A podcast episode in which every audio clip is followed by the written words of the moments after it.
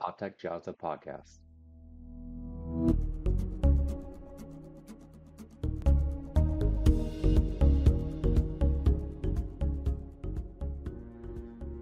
I'm Corey Sires. Today we have an important report shedding light on the human rights situation faced by the Azerbaijani Turks in Iran during the second quarter of 2023.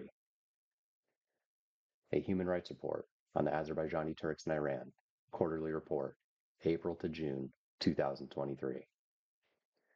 This report is a collaborative effort between an initiative group of Azerbaijani individuals from Iran currently based in the United States and Canada and a network of Azerbaijani human rights activists within Iran.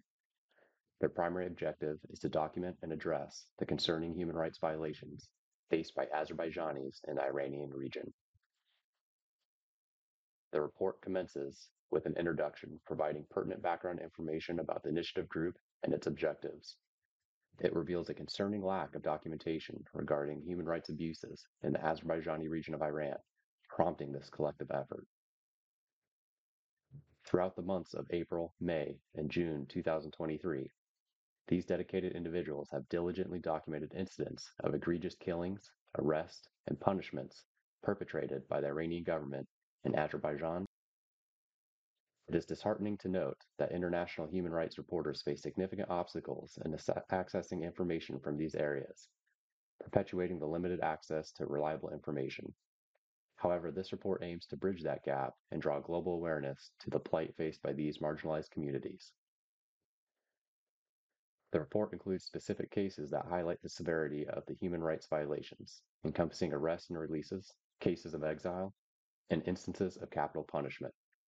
It provides detailed accounts for each case, revealing the profound physical and psychological toll endured by the victims and their families. During this quarter, 16 individuals were arrested by the authorities. Some have been released after posting bail pending legal processes. Additionally, three individuals were subjected to exile as a punitive measure, and tragically, one person attempted suicide under the immense pressures endured in prison. Shockingly, at least three people were executed by hanging due to being sentenced to capital punishment. The report calls for the immediate abolition of capital punishment, emphasizing the fundamental human right to life.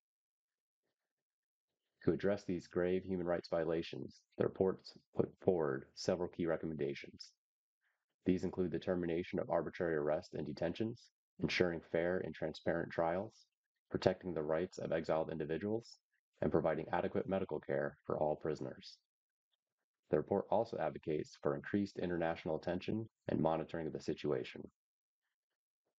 You can read the full report on etekyazi.com website. Please join us in our ongoing efforts to promote human rights and justice for all. Thank you for listening to this important report. This is Corey Sires signing off from Hot Tech Jazza Podcast.